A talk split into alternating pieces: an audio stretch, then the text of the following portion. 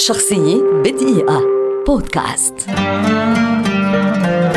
عزار حبيب مغن وملحن لبناني شهير ولد عام 1945 ويعد واحدا من أبرز وجوه الحقبة الذهبية للأغنية اللبنانية. في بداياته كان عضوا في فرقة تغني اغاني غربية قبل أن يتجه للغناء باللغة العربية وتنطلق من هنا رحلته مع النجومية. يعد عزار حبيب من أوائل الذين عرفوا كيف يقدمون الأغنيات الخفيفة والطربية في آن معا واشتهر بآلات البزق إذ لا يمكن أن يأتي ذكر هذه الآلة دون أن نذكره فقد كان له السابق في إدخالها إلى الغناء العربي. ساهم في تقديم العديد من الألحان لمطربي جيله أواخر السبعينات وخلال الثمانينات ما أسهم في شهرة بعضهم. ومن تلك الألحان نذكر طاير يا قلبي طاير غناء عفيف شية عطبق ألماز غناء الأمير الصغير. عازز علي النوم غناء هادي هزيم. وآخر غرام غناء أمل حجازي. في رصيد عزار حبيب خلال مسيرته خمسة ألبومات هي نانا لولاكي يا ملاكي صيدلي يا صيدلي. عجبين الليل وبدك زافي.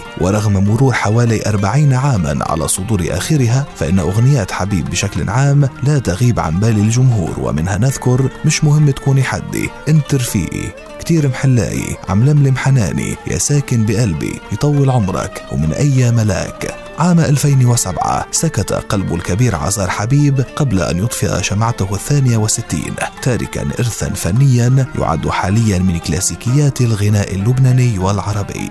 شخصية بدقيقة. بودكاست